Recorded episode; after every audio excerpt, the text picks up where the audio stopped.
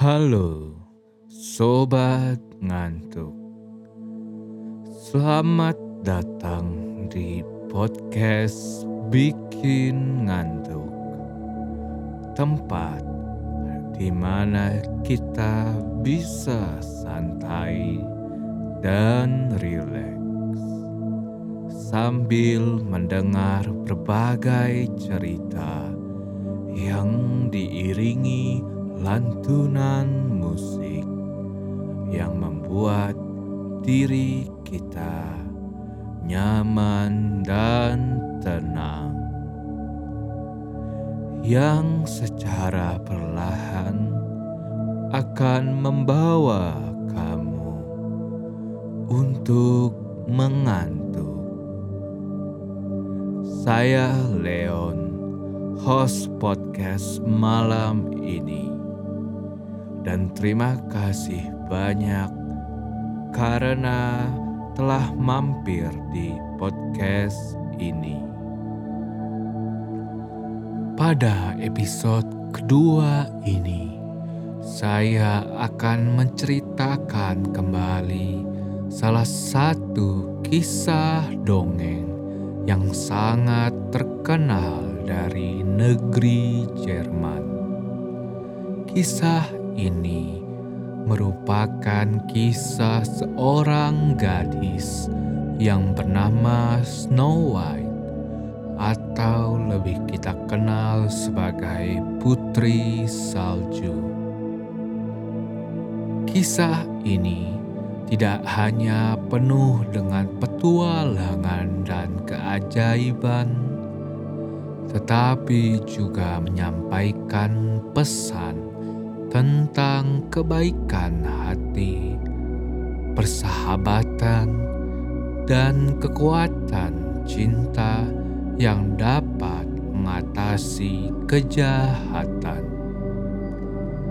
Sebelum kita mulai kisah pada malam ini, saya mau mengajak sobat ngantuk meluangkan waktu sejenak untuk merilekskan tubuh dan melepaskan segala keletihan yang mungkin terakumulasi karena tugas dan pekerjaan selama hari ini. Tidak hanya itu, sobat ngantuk harus melepaskan segala pikiran yang terbelenggu di dalam benak sobat ngantuk. Baik itu tentang hubungan, drama kehidupan, dan yang lain-lain.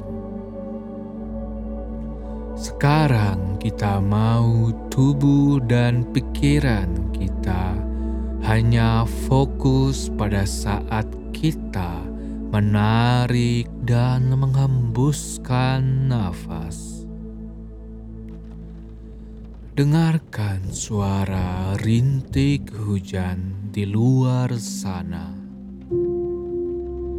Setitik demi setitik mulai berjatuhan. Semakin lama, semakin banyak rintik hujan yang berjatuhan. Di saat ini, kamu merasakan kenyamanan dan kenikmatan empuknya rancangmu, serta kehangatan yang menyelimuti dinding-dinding kamar.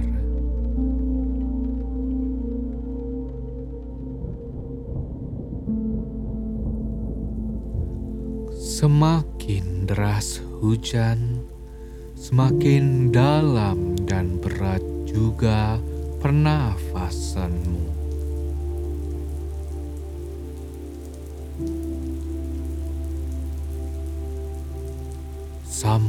Sampai di suatu titik di mana ketenangan datang menghampirimu.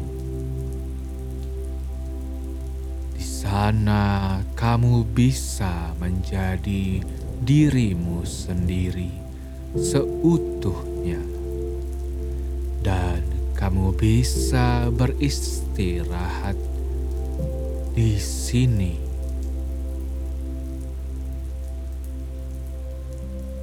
Di momen ini juga kisah ini dimulai. Di pertengahan musim dingin, ketika kepingan salju jatuh dari langit, seorang ratu yang cantik duduk sambil menjahit di pinggir jendela berwarna hitam. Tiba-tiba jarinya tertusuk dengan jarum jahit dan tiga tetes darahnya jatuh ke salju. Merah di atas putih tampak begitu cantik. Lalu sang ratu berpikir, "Kalau saja aku kelak memiliki anak perempuan, aku ingin dirinya memiliki kulit seputih salju, bibirnya semerah darah, dan Rambutnya sehitam bingkai jendela ini. Tak lama kemudian, sang ratu hamil dan memiliki seorang anak perempuan.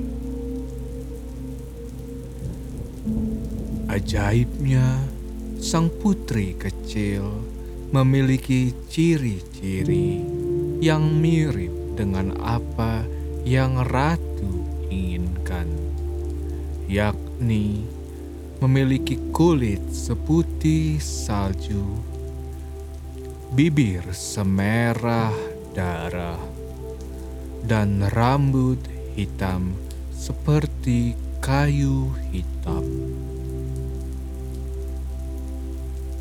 Lantas sang ratu memberinya nama Putri Salju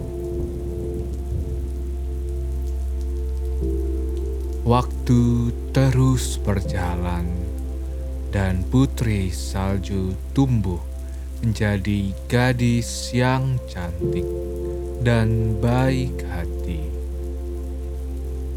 Tidak hanya raja dan ratu saja yang menyayanginya tetapi juga dengan seisi penghuni istana dan para rakyat.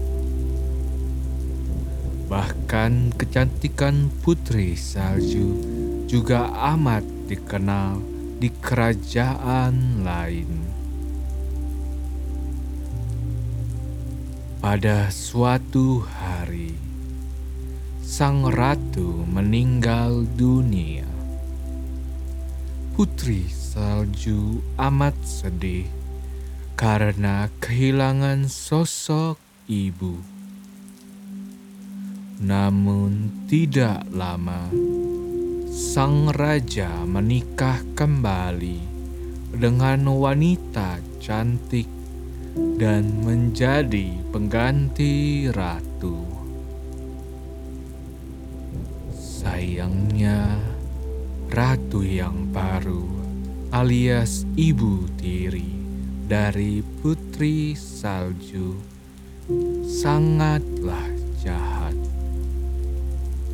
Dirinya adalah seorang penyihir yang memang berkeinginan untuk menguasai kerajaan. Setelah ibu tiri ini datang, dirinya menjadi wanita tercantik di seluruh negeri. Tak banyak yang tahu ibu tiri ini memiliki sebuah cermin yang dapat berbicara. Setiap pagi, dirinya akan selalu memandangi cermin ajaib dan berkata, "Cermin-cermin di dinding, siapa di negeri ini yang paling cantik?" Cermin tersebut akan selalu berkata, "Anda, ratu saya, yang paling cantik di seluruh negeri ini." Sekarang ini, Putri Salju sudah berusia tujuh tahun dan tumbuh dengan sangat cantik. Bahkan kecantikannya pun mampu mengalahkan sang ratu. Suatu hari, sang ratu bertanya pada cermin, "Cermin-cermin di dinding, siapa wanita yang paling cantik di seluruh negeri ini?"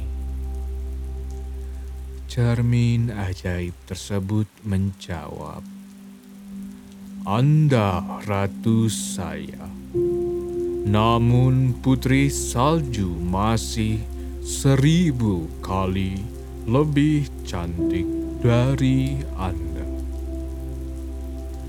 Mendengar jawaban tersebut, sontak sang ratu menjadi amat marah dan sejak saat itu, dirinya begitu membenci putri salju. Saking cemburu dan iri hati, sang ratu ingin membunuh putri salju dengan memanggil seorang pemburu. Bawalah putri salju ke hutan, ke tempat terpencil, dan bunuh dia sampai mati. Sebagai bukti bahwa dia sudah mati, bawakan jantung dan hatinya kembali padaku, kata ratu kepada sang pemburu.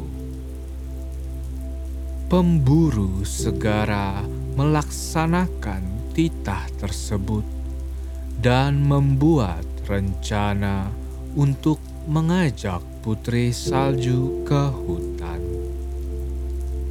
Ketika sang pemburu hendak membunuh putri salju, dirinya mulai menangis dan memohon supaya pemburu itu tidak membunuhnya. Bahkan dirinya juga berjanji untuk melarikan diri ke hutan dan tidak pernah kembali. Pemburu merasa kasihan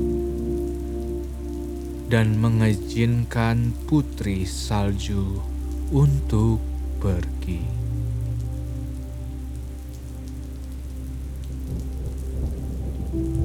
Tepat pada saat itu, seekor babi hutan muda melintas. Pemburu langsung membunuh babi hutan dan membawakan jantung dan hati hewan tersebut kepada sang ratu. Saat ini, Putri Salju tengah sendirian di hutan besar.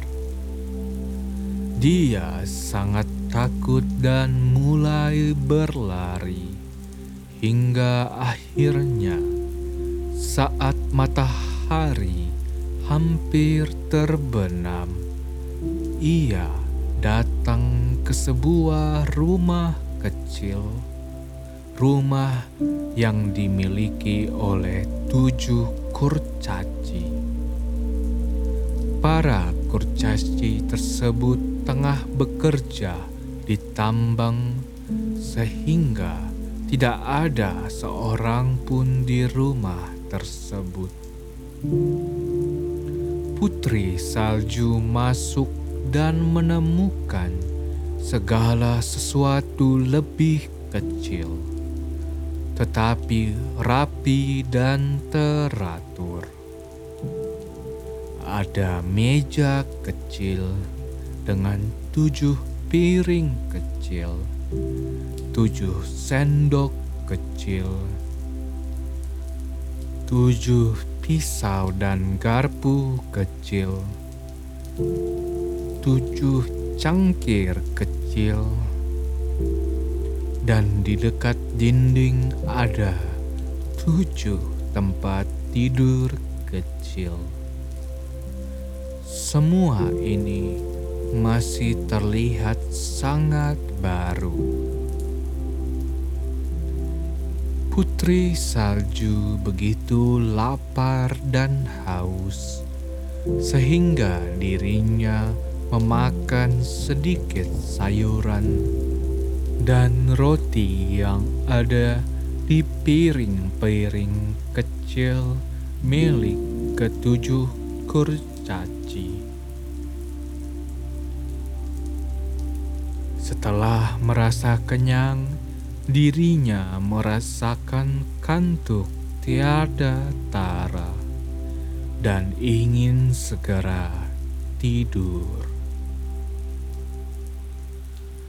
Berhubung tempat tidur para kurcaci tersebut sangat kecil, putri salju pun menyusun dan menggabungkan tempat tidur itu menjadi satu, sehingga dapat ditempati olehnya dengan nyaman. Ketika malam tiba, tujuh kurcaci pulang dari kerja. Mereka menyalakan tujuh lilin dan melihat bahwa seseorang telah berada di rumah mereka. Mereka begitu kaget karena ada seorang putri yang amat cantik tengah tidur di depan mereka. Astaga, demi Tuhan! Mereka berteriak, "Dia begitu cantik!" Mereka tidak membangunkannya, tetapi membiarkan putri salju tetap tidur di kasur tersebut. Ketika putri salju terbangun, mereka menanyakan siapa dia dan bagaimana caranya telah menemukan jalan ke rumah mereka. Putri Salju pun bercerita banyak hal, mulai dari bagaimana ibu tirinya yang telah mencoba membunuhnya bagaimana pemburu membiarkannya hidup, bagaimana ia kabur dan akhirnya datang ke rumah mereka. Para kurcaci merasa kasihan dan mengizinkan sang putri salju untuk tinggal bersama mereka dengan satu syarat, yakni mengurus rumah dan memasakkan mereka makanan. Sang putri merasa senang dengan syarat tersebut dan langsung menyetujuinya. Di kerajaan, sang ratu lagi-lagi menuju ke cermin ajaib dan bertanya, "Cermin-cermin di dinding, siapa di negeri ini yang paling cantik?" Cermin ajaib itu menjawab, "Anda, ratu saya, memang cantik. Namun putri salju yang tengah berada di atas gunung jauh lebih cantik dari Anda." Sang ratu tentu saja terkejut dan marah kepada pemburu karena dirinya ditipu mentah-mentah. Hal itulah yang menyebabkannya merencanakan untuk membunuh putri salju dengan tangannya sendiri. Akhirnya sang ratu pun menyamar sebagai seorang wanita penjual tua dan pergi ke rumah kurcaci itu untuk menjual apel. Ketika sudah sampai di depan pintu rumah kurcaci, sang ratu yang tengah menyamar menjadi penyihir mulai mengetuk pintu. Buka, bukalah. Aku wanita tua dengan penjual barang-barang yang bagus untuk dijual. Putri Salju mendengar perkataan tersebut, langsung mengintip keluar jendela. Apa yang Anda miliki? Beberapa butir apel, Nak. Sangat manis rasanya. Cobalah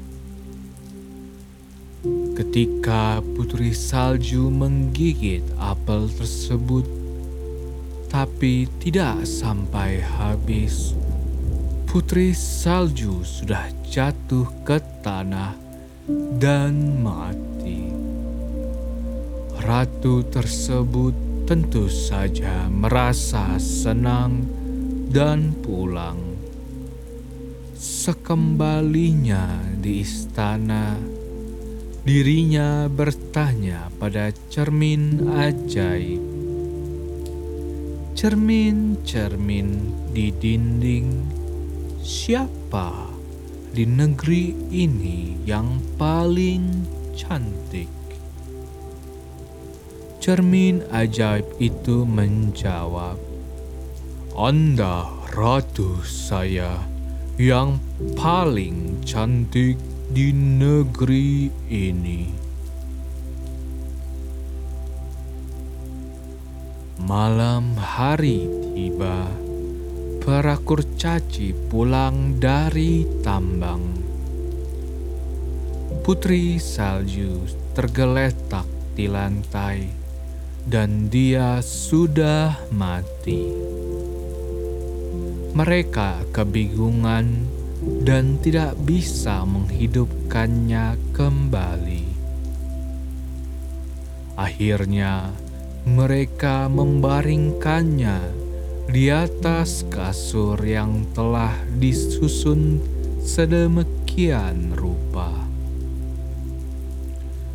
Ketujuh kurcaci duduk di sampingnya dan menangis selama tiga hari.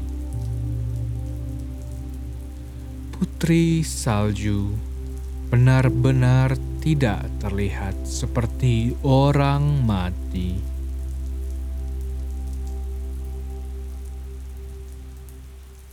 Lantas, para kurcaci pun membuat peti kaca untuk putri salju dan meletakkan dia di dalamnya, sehingga mereka bisa melihatnya dengan mudah.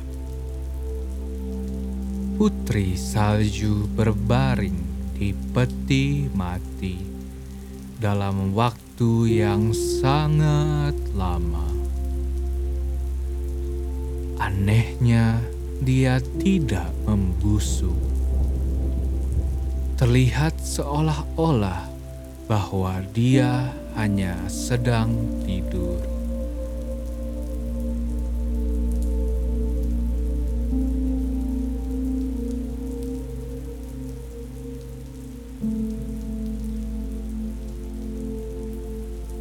Suatu hari, seorang pangeran muda datang ke rumah kurcaci dan ingin bermalam di tempat mereka. Ketika dia masuk ke ruang tamu mereka dan melihat putri salju terbaring di peti mati kaca. Begitu cantik dan ditambah dengan adanya tujuh lilin yang menemaninya. Pangeran langsung jatuh cinta dan meminta para kurcaci untuk memberikan putri salju beserta peti matinya kepada dirinya. Tetapi para kurcaci tidak mau. Kemudian pangeran meminta sekali lagi dengan mata yang memelas dan berkaca-kaca dia mengatakan untuk memberikannya kepadanya putri salju. Dan pangeran mengatakan bahwa dia sungguh jatuh cinta kepada putri salju. Dia akan merawat serta menghormatinya sebagai hal yang paling berharga di dunia. Para kurcaci pun merasa iba dan kasihan kepada pangeran dan memberikan peti mati berisi putri salju kepada sang pangeran. Pangeran membawa peti mati ke istananya dengan dipanggul oleh beberapa pengawalnya. Tiba-tiba, salah satu pengawal tersandung batu, sehingga peti mati pun bergoyang. Hal itulah yang membuat tubuh putri salju tergoyang dan tersedak. Akhirnya, semua orang, termasuk pangeran, menurunkan peti mati dan melihat apa yang tengah terjadi. Potongan apel beracun bekas gigitan putri salju langsung terlepas keluar dari tenggorokan putri salju.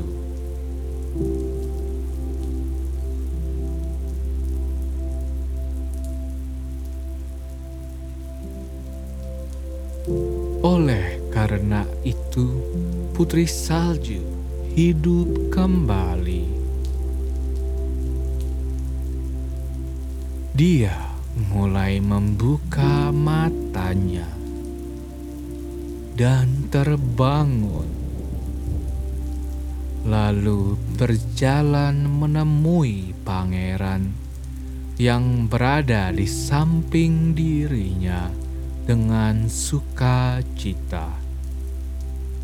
Kebingungan, sang putri salju bertanya kepada sang pangeran apa yang terjadi kepada dirinya. Pangeran pun menceritakan apa yang telah ia lalui. Merasa bersyukur atas kejadian tersebut Putri Salju pun mulai jatuh cinta kepada penyelamat hidupnya. Dan akhirnya mereka pun kembali ke kerajaan milik sang pangeran. Berbulan-bulan kemudian, mereka pun memutuskan untuk menikah di istana milik pangeran dan turut serta mengundang ketujuh kurcaci. Begitu juga sang ratu. Pagi itu, sang ratu mendengar kabar bahwa kerajaan tetangga sedang melangsungkan pernikahan dan bersiap-siap untuk memenuhi undangan pernikahan tersebut. Sebelum berangkat, lagi-lagi dia melangkah di depan cermin dan berkata, cermin-cermin di dinding. Siapa wanita yang paling cantik di negeri ini? Cermin menjawab, "Anda, ratu saya, memang cantik, namun putri salju." yang akan menjadi ratu muda di kerajaan tetangga seribu kali lebih cantik dari Anda. Sang ratu merasa marah dan cemburu lagi. Akhirnya dirinya pun memutuskan untuk datang ke pernikahan Putri Salju untuk balas dendam. Sayangnya, kereta kuda yang ditumpangi oleh sang ratu jatuh terperosok ke jurang karena longsor dan tewas seketika.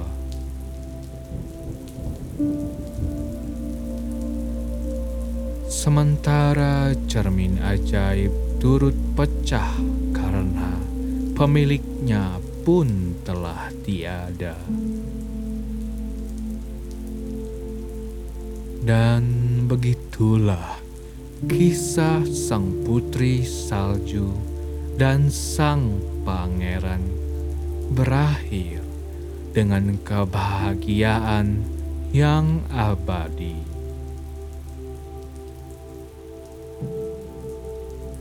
Dengan begitu, berakhirlah kisah ini.